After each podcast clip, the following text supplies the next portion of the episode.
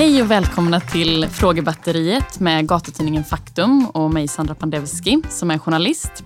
Framför mig har jag ungefär 200 frågor eh, som är skrivna av Faktumförsäljarna. Och det är frågor som de tycker är intressanta att ställa till människor oavsett vem det är. Men just idag är det Ebbot Lundberg eh, som är med oss. Och han, han började som sjuåring att skriva nidvisor och spela tramporgel. och har sedan dess inte slutat göra musik. Han var frontfigur i bland andra banden Union Carbide Productions, som det faktiskt nu görs en dokumentär om. Eh, och även Soundtrack of Our Lives och i soloprojektet Ebbot Lundberg. Debuterade som skådespelare i Peter Birros miniserie Viva Hate 2014 och programledde SVTs Ebbots ark några år senare. Yes. Härnäst är han aktuell som tonsättare och körledare även kallar sig Oraklet i Riksteaterns och Göteborgs stadsteaterns uppsättning av grekdramat Medea. Stämmer det. Välkommen Ebbot. Ja, tack. Vi träffades ju för inte så länge sedan och gjorde en intervju för tidningen Faktum. Då var ja. du på omslaget där. Idag är, då fokuserade jag och Malin, eh, som också är journalist, mycket på frågor om, om dig och eh, din musik och sådär. Idag kommer det nog vara lite andra frågor är, mm, du, är ja. du redo för det? Shoot. Shoot. Vad tycker du om färgat hår? Ja, alltså. Det är ju som vad, egentligen vad, tyck, vad tycker jag om film? Nej, men vissa, vissa, vissa färgningar är ju roliga, vissa är fula, vissa är fina. jag, alltså, jag har aldrig färgat håret själv. Nej.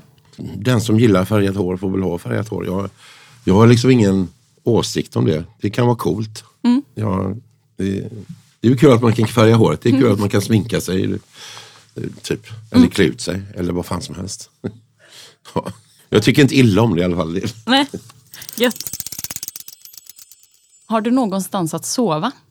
Ja, det har jag. Tack och lov. Det har jag. Så jag har ett hem och det är verkligen ett hem också. Jag, jag har aldrig känt att jag haft ett hem tidigare än det hemmet jag har nu. Så att, eh, ja, det är skönt och ha någonstans att sova. Vad är det som gör att det just har blivit så? Eh, ja, det är en känsla bara. Det, det, mm. det vet man själv bara i, i, i, i sin intuition. Jag hittade det här stället så kände jag bara det här är hemma. Och det spelar egentligen ingen roll var jag sover där. Jag kan sova utomhus om det går. Alltså, eller jag har inga problem att sova överhuvudtaget. Eh, jag kan sova i ett soprum. Det, det, alltså jag, jag, jag menar, jag är inte så noga med det faktiskt. Du har ett hem? Men jag har ett hem, ja. Mm. Och det är jävligt bra energi där. Om du skulle få möjlighet, vem skulle du vilja ge en rak höger? Jag vet inte om jag skulle vilja ge någon en rak höger egentligen. Det, det, det, det är inte kul att slåss. Så jag skulle nog inte vilja ge någon en rak höger. Däremot kanske lägga fälleben eller någonting. Eller typ medvetet blåsa in en hiss och släppa en riktig illaluktande bakfylleskit. och sen blåsa in den snubben eller kvinnan eller vad det nu är. Jag, men jag kan inte komma på det nu faktiskt.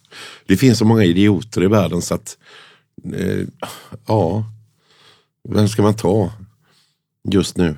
Det, det eh, jag får tänka lite, jag får återkomma där. Ja, men återkom till ja. det. Mm. Har du problem med sömnen? Det har vi lite fått svar på redan dock. Men... Har du haft det någon gång? Nej, det har jag inte. Jag har väldigt lätt för att sova.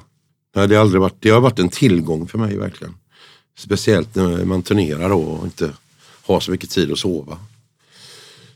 Eller de, de så kallade bok, de som har bokats på det sättet att man inte har haft tid att sova. Så, så har jag ändå kunnat sova på dagen. Och jag behöver inte ha något medel för att somna direkt. Eller så lyssnar man på, på, på någon politiker. Då, då, brukar man ju somna för de svarar ju aldrig på frågor. Har du räddat någon någon gång? Ja, det beror på vad du menar. Alltså räddat eh, med någonting som jag har typ eh, tipsat om eller rent psykologiskt räddat eller räddat någon från att bli påkörd eller något sånt där. Ja, alltså kan, ja, det har väl nog gjort. Alltså jag, jag har nog eh, från olycka, ja. ja. Det har jag nog gjort faktiskt. Gått in emellan, alltså när man känner av att nu kommer det hända någonting jävligt jobbigt eller svårt så brukar jag kanske vara inne och bryta det eller avleda den uppmärksamheten. Det har hänt ett par gånger faktiskt. Jag är ganska bra på det.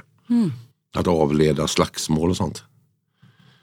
Eh, det, det är lite, lite komiskt också när jag tänker på det för att om man säger någonting som är väldigt oväntat i en dispyt då tappar ofta förövaren, eller den som är aggressiv, han tappar fotfästet fullständigt. Mm.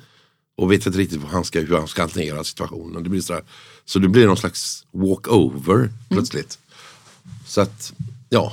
Har du någon speciell sån situation? Eller något minne som du kan ta oss till? Ja, när, när svartklubben Draupner fanns i Göteborg. Då hände det ofta när alla gick hem. Då, då var det ganska mycket friktion och sådär. Då kommer jag att jag ofta stod där bara och liksom la mig i olika dispyter. Eller, för det låg en mc-klubb under den klubben också. Så det hände väldigt mycket. Det var så här, väldigt blandat. Men jag, jag, vill inte nämna någon vid namn. Jag kan bara säga svara ja på den frågan egentligen. Sen är det säkert folk som har gått och sagt att den här låten eller det och det och det har räddat mig. Och så vet jag inte jag, på vilken nivå det var. Men eh, det är kul att höra i alla fall. Mm. Fint. På tal om låt så har vi en liten överraskning i, idag. Ja. ja, alltså grejen är att jag håller på med den här eh, pjäsen då. Så hade jag en låt som inte kom med. Eller den var lite för lång. Men jag gjorde klart den i alla fall. Och spelar allting på den.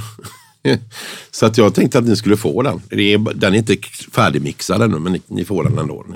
Så Fantastiskt. ni kan lyssna på den lite. Tack! Ja. Och det kommer alltså spelas, den här låten, vad heter den? Den, den här heter Anyone Who's Hard To Love. Så den handlar väl om förlåtelse egentligen. Eller, eller jag vet inte vad.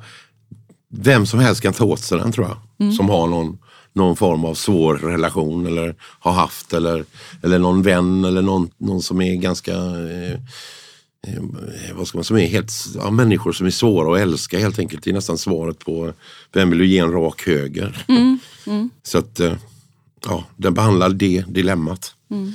Eller kanske kan den rädda någon också? Ja, det kan rädda någon också. Det hoppas jag verkligen. Så den kommer i slutet. Tack för det Bott. Så kör vi nästa här nu. Är du ett kakmonster? Nej, det är jag inte. Jag, eh, men jag har massa vänner som är det. jag, nej, jag är, inte så, jag är inte så förtjust i, i, i kakor egentligen. Nej. Eh, eller jag var, kanske var det. En ballerina är väl inte fel då och då men, men eh, nej, jag, jag har tröttnat på det. Mm. Ja, det tog inget wienerbröd här idag i alla fall. Nej, det ser väldigt gott ut men jag, jag vet inte, jag har kommit in i sånt här anti, anti ja, bullmod. Så det är väl för att det är semmelperiod nu också. Ja. Så att jag, nej. nej. Men det är gott också. Fast inte idag. Åker du bil eller kollektivt? Jag åker kollektivt och väldigt sällan bil. Det händer att jag åker bil när jag, när jag ska jobba i studion då. För att det är så otympligt att ta sig kollektivt på det sättet. Många blir ofta chockade att jag åker kollektivt. Eller de tror inte att det är jag kanske. Men jag, jag vet inte, jag tänker inte på det heller. Men jag blir ofta påminn om det. Så här att, Va, åker du eh, E-ban? Åker du kollektivt? Håtte du Porsche? Eller någonting sånt. Va? Alltså det, det händer ju. Va? Mm.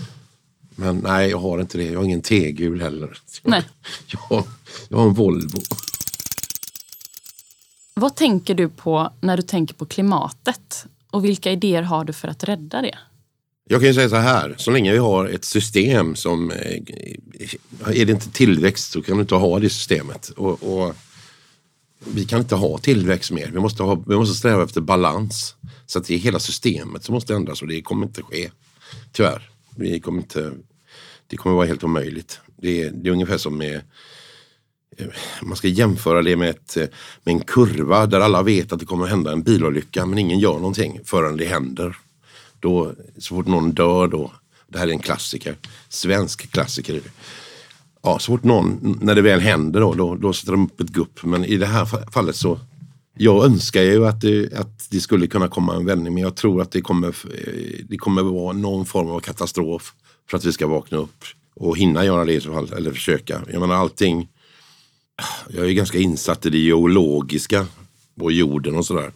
Så att det är ju cykler, vi går ju i cyk den här planeten där går ju i cykler och då är, ja, vi är inne i en sån punkt där det sker en jätteförändring. Och det är inte så mycket vi kan göra åt den, just den förändringen för den pågår i hela solsystemet. Eh, men sen naturligtvis, det, våra system är inte hållbart. Jag menar, alla de andra systemen har väl fallit mer eller mindre. Men det kapitalistiska, det, det går inte heller att, att, ha kvar. Men vad tänker du då? Vad skulle man kunna göra?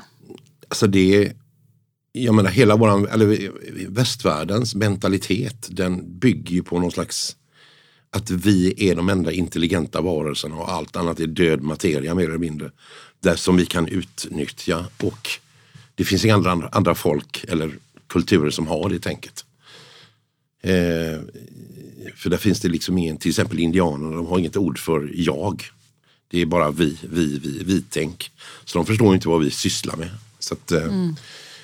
så vi är ju in, vi är liksom fångade i en egokultur där språket och allting är baserat på att vi ska liksom, ett, att vi är centrum, universums centrum hela tiden. Och, och oh. Men jag har sagt det här förut, jag tycker liksom att till exempel bara matsvinn. Det borde vara, är det någonting det ska vara förbud på? För det var ju väldigt mycket förbud på olika saker, eh, substanser och sådär. Men är det någonting det ska vara förbud på så är det att slänga mat. För det tycker jag är, det är en förolämpning mot mänskligheten att göra det. Att, att liksom döda, döda en jävla massa djur och sen slänga två tredjedelar för att vi ska liksom eh, höja någon slags aktie någonstans. Alltså det är så, det är så jävla korkat så jag fattar inte ens att vi kan gå med på det. Men det är ingen som, det är ingen som orkar bry sig. Tyvärr. Nej men du bryr dig? Ja, alltså jag tänker på det hela tiden. Alltså mm. jag, jag, eh, fast jag är också lika, jag menar jag ska inte, jag menar om man nu ska vara klimatsmart så ska man inte göra någonting egentligen. Man ska gå, gå till jobbet eller, eller ta, skita i att köra bil och allt det där. Men jag, jag, vad heter det? Jag gör det jag kan, kan man väl säga. Källsorterar och absolut inte försöker slänga mat. Utan jag, jag menar, oavsett om jag ger det till fåglarna eller till hunden eller vad det nu är så det, jag slänger inte mat. Det, om den då inte, om jag inte har glömt bort den och det, den är väldigt rutten. Har du magrutor Ebbot? Ja, det var ju... Nej, jag har aldrig haft det. Jag hade nog inte det heller när jag var smal, så att säga, eller lite mindre. Eh, jag har aldrig haft någon sån här tvättbräda eller eftersträvat. Jag kommer ihåg att jag skulle styrketräna en gång. Men det, började, det, jag vet inte vad som hände. Det var, jag gick dit, köpte en sån här vaniljsmakande Sån shake liksom? En shake mm. ja. Och så köpte jag den och sen så jag gick in och gjorde några, ja, sprang lite på bandet. Sen så åkte jag hem och så drack upp den här shaken månaden, alltså den månad som var framför mig. Så jag har aldrig, nej jag vet inte. Jag, jag har inga magrutor, nej. Det har inte. Slagruta har jag. Eller i och för sig, skulle jag spänna mig så har jag nog magrutor. Jag, är ganska, jag är, har ändå ganska mycket muskler. Mm. ja, skenet bedrar. Ja, skenet bedrar, precis. Ja. Är du blodgivare? Eh, jag kanske borde vara det. Det är ingen som har frågat mig. Men behöver någon blod så ställer jag upp. För jag har tydligen ett ganska bra blod, eller bra, bra blodgrupp vad det gäller corona i alla fall. Om man nu ska tro på hela den här, vilka som är mm, fördelaktiga ja, blodgrupper. Ja. Har du varit nära döden? Ja, det har jag varit flera gånger. Eh, flera gånger? Inte, eh, ja, alltså, men det är också en definition. Jag menar, jag har varit med om olyckor, om det nu ska räknas som nära döden. Jag har inte varit så skadad eller sjuk så att jag har varit nära på att dö. Det har aldrig hänt. Men eh, däremot har jag liksom varit med om tre bil, bilolyckor och så har trillat genom taket på en, på en fest också. Och då, det var en nära döden upplevelse kan jag säga. För det, jag följde liksom tre meter ner och landade rätt ner i en säng tack och lov. Men det var ju gips och glassplitter och, och allt möjligt. Och, och, så jag var ju ganska blodig när jag eh, vak eller ja, jag reste mig. Det här var ju fyra på morgonen liksom, så att jag jag reste mig och sen har jag försökt liksom memorera vad som hände där. Men jag minns nu har liksom minnet kommit tillbaka.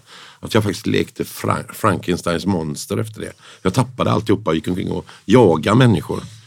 Och eh, ja, jag vet inte. Du Men du skadade inte så illa då? Om du stod Nej, på benen? Och... det lustiga var att just då så hade jag en kaftan eller en uniform ska man säga. som var extremt robust. Alltså det, tyget var stenhårt. Alltså det gick inte, så glaset kunde liksom inte gå igenom. Det, känd, det var väldigt sådär, tack vare den outfiten så tror jag att jag klarar mig mycket bättre än vad jag skulle ha gjort kanske.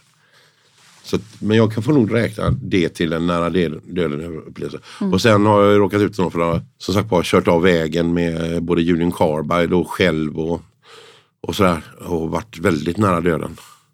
Hur har de liksom, händelserna påverkat dig? Alltså det är ju alltid jobbigt. En olycka är ju alltid väldigt jobbig. Speciellt de här nanosekunderna som är innan du kraschar.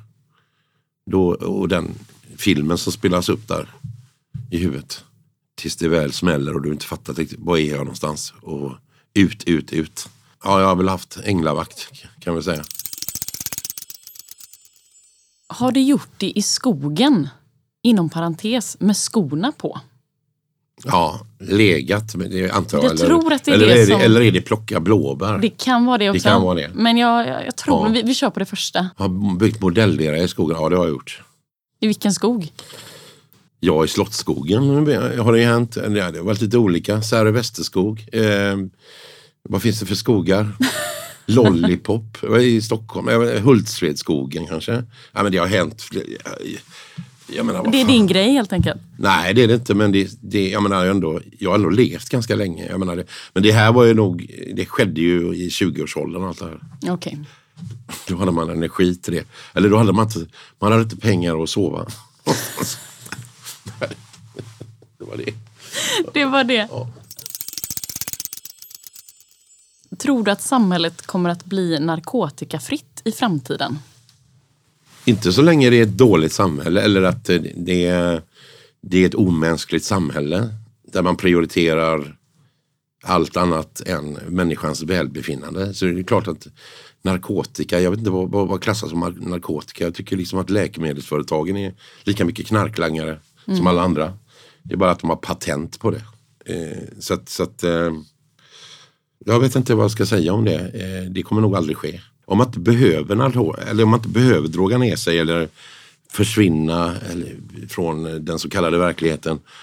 Eh, om ett sånt samhälle är så bra så behöver man väl inte göra det. Eller behöver inte droga ner sig kanske. Så det är väl mer, det går inte att peka på, eh, alltså, eh, jag menar funkar inte någonting så det är klart att det finns alltid sätt att försöka försvinna ifrån den verkligheten. I och med att man inte trivs och man, man ser ingen utväg och man vill inte leva. Och så, hittar man andra alternativ och, och ta sig ifrån. Men, men sen är det ju så här också, det är väldigt mycket narkotika som är läkemedel. Så, så att eh, vi får nog uppdatera oss lite här känner jag. Vi är ganska efter i det i Sverige, tyvärr. Vad är din inställning till döden? Jag är inte, jag, min inställning till döden det är ungefär som jag, min inställning till Fråga var plus eller minus eller han eller hon eller, eller vad det nu är. Eh, de här två sidorna. Alltså den, min inställning till döden är att den är en nödvändighet. Vi, vi kommer alla, alla kommer dö. Fysiskt i alla fall. Sen, sen eh, ja, jag är inte rädd för den alls. Mm, jag minns att du sa det, att det var som att lämna tillbaka en bok. Ja, lite så. Jag menar, du, du, har, varit, du har levt ett perspektiv av miljontals evinnerligt evighets många perspektiv. Eh, så att eh, det är bara en process. Eh, och jag menar, vi är ju alla energier så att de behov, vi måste ju ta vägen någonstans. Och det är ju, vi skapar våra egna liv egentligen. Oavsett hur. Och jag tror att alla går igenom alla processer. Det finns ingen privilegierad. Jag menar det kan till synes vara så men i, i slutändan så så är det egentligen att all, alla går sin väg hela tiden och ingen undslipper de här universums lagar så att säga. Mm. Orsak och verkan och what goes around comes around basically. Mm. Så eh, det är väl bara behandla andra som du vill själv bli behandlad om du ska ha ett bekvämt liv. Tror du på evig kärlek? Ja, det tror jag. Jag tror att, för det är ju det som får alla och där har, det, har ju, det är ju grunden i alltihopa. Avsaknad av kärlek är, är ju liksom helvetet kan man väl säga.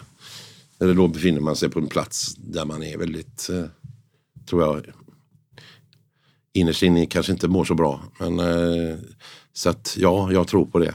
Sen att den är, vad ska man säga, i en relation, att det måste vara två, tvåsamhet. Alltså, kärlek i sig, det är ju liksom människor som man älskar. Eller man, att man inte äger någon utan man verkligen älskar någon. Och det, det är skillnad på förälskelse och kärlek egentligen. Jag menar, förälskelse är ju mer, det är mer en tillfällig känsla. Eh, men, men kärlek är ju liksom, det är någonting som växer. Det kan, ju, det kan man liksom inte, det får man upptäcka bara vad det är.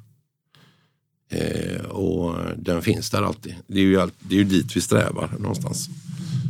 Hur mycket vi än, ja, vi, hur vi än vrider och vänder på det så är ju det grunden till allting. Det är ju kärnan i allting, kärleken. Och antingen är vi väldigt långt ifrån den eller väldigt nära den. Det är ju upp till oss själva.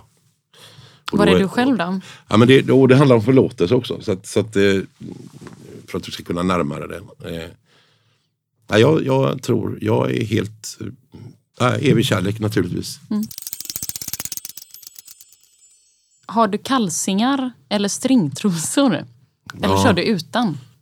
Jag har kalsingar eller, eller boxershorts. Eh, stringtrosor, det var länge sedan. Men det brukar ju ha, eller det ingick i showen mm -hmm. på 80-talet med Junin Carver. Eller vi hade väl det ibland. Vi hade till och med så rakat av all, all lö i baken också och körde upp lotion. ja, vi, vi, testade lite, lite olika, vi testade oss fram där också. Men det gick inte, det var, det, jag vet inte, det, det var roligt en gång. Ja, inte så bekvämt kanske? Ja, na, ja typ. Ja, men det var, nej men det visst, och sen ut, om jag kör utan, ja det är skönt det med. Men det är säkrare med, känner jag.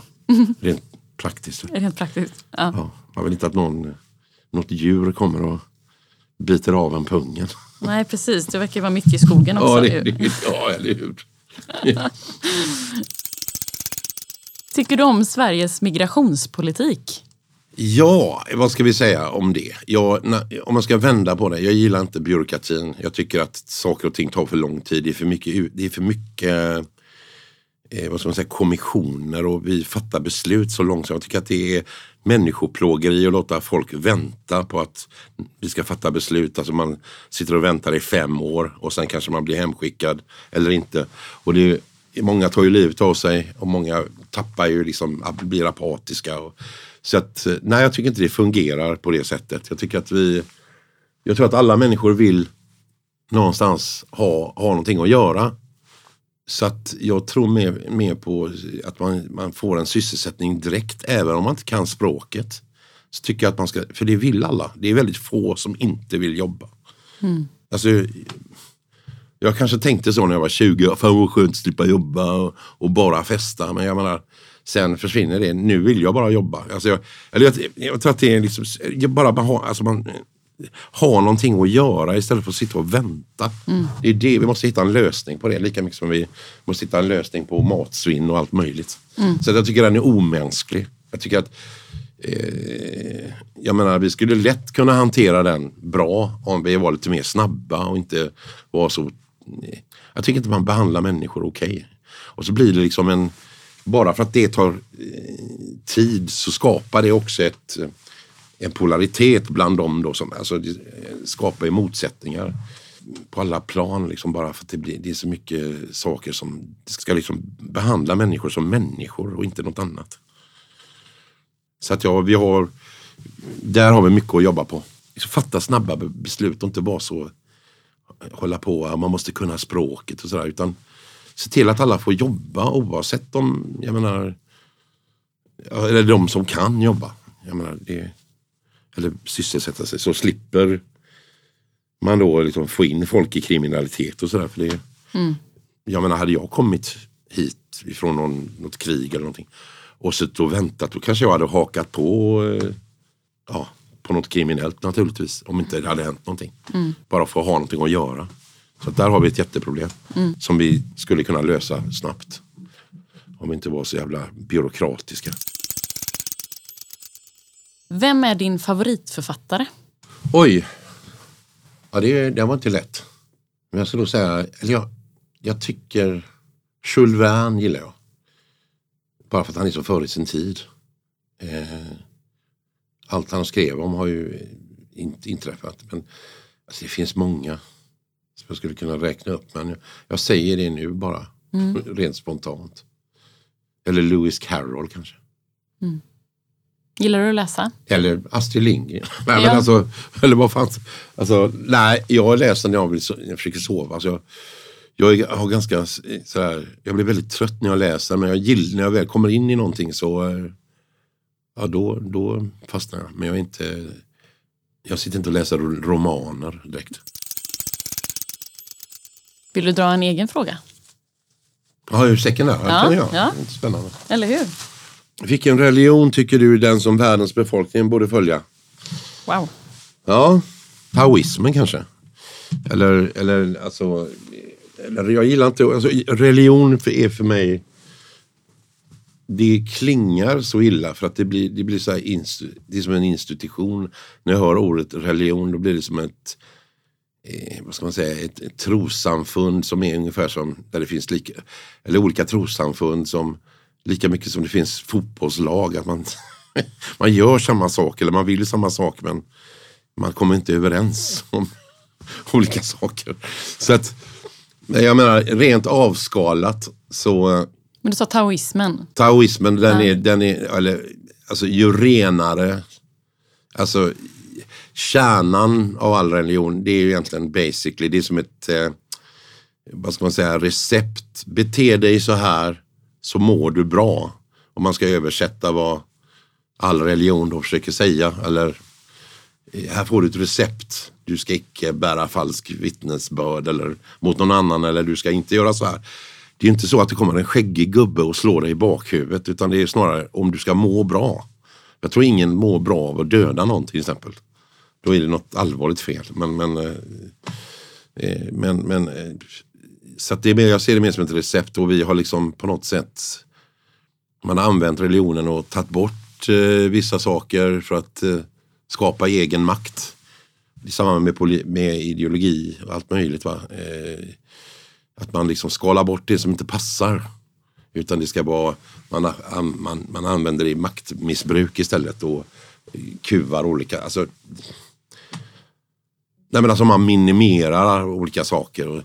Sen tycker jag liksom att all religion som inte har någonting med andlighet att göra eller att man bortser från det spirituella, de, de, eh, då är man lite illa ute faktiskt.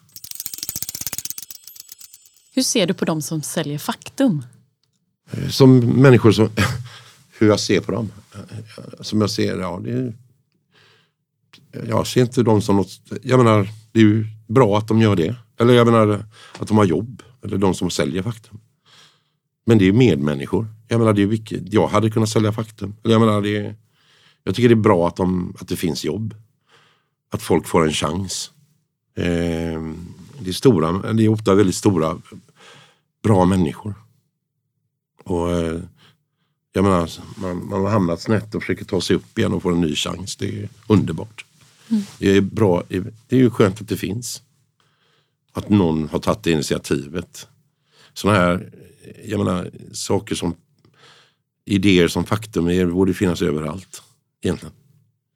Att man gör någonting av någon, någonting. Alltså, nej, jag, det är, det är jag vet, konst, egentligen en konstig fråga.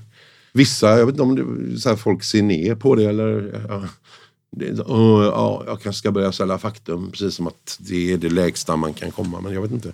Jag tycker inte det. Nej. Jag tycker det är värre att vara börsmäklare. Mm. ja. Vi säger så. Ja. Tack så mycket för att du var med ja. Hur kändes ja. det? Ja, men det kändes bra. Ja. Det var inget jobbigt alls. Ni har nu lyssnat på gatutidningen Faktums podd Frågebatteriet. Ett stort tack till designbyrån Aino som har bidragit med 1000 kronor per fråga. Och Det ger oss alltså en total på 20 000 till Faktums försäljarfond. Detta avsnitt är inspelat av Daniel Medin på Ljudbyrån i Göteborg. Och Musiken den är musicerad av Joel Eriksson och skulle det vara så att just du vill sponsra vår podd eller har andra frågor så är det bara att kolla in på faktum.se. Och nu är det världspremiär av Ebbots låt Anyone who is hard to love. Ha det gött, vi hörs. Hej!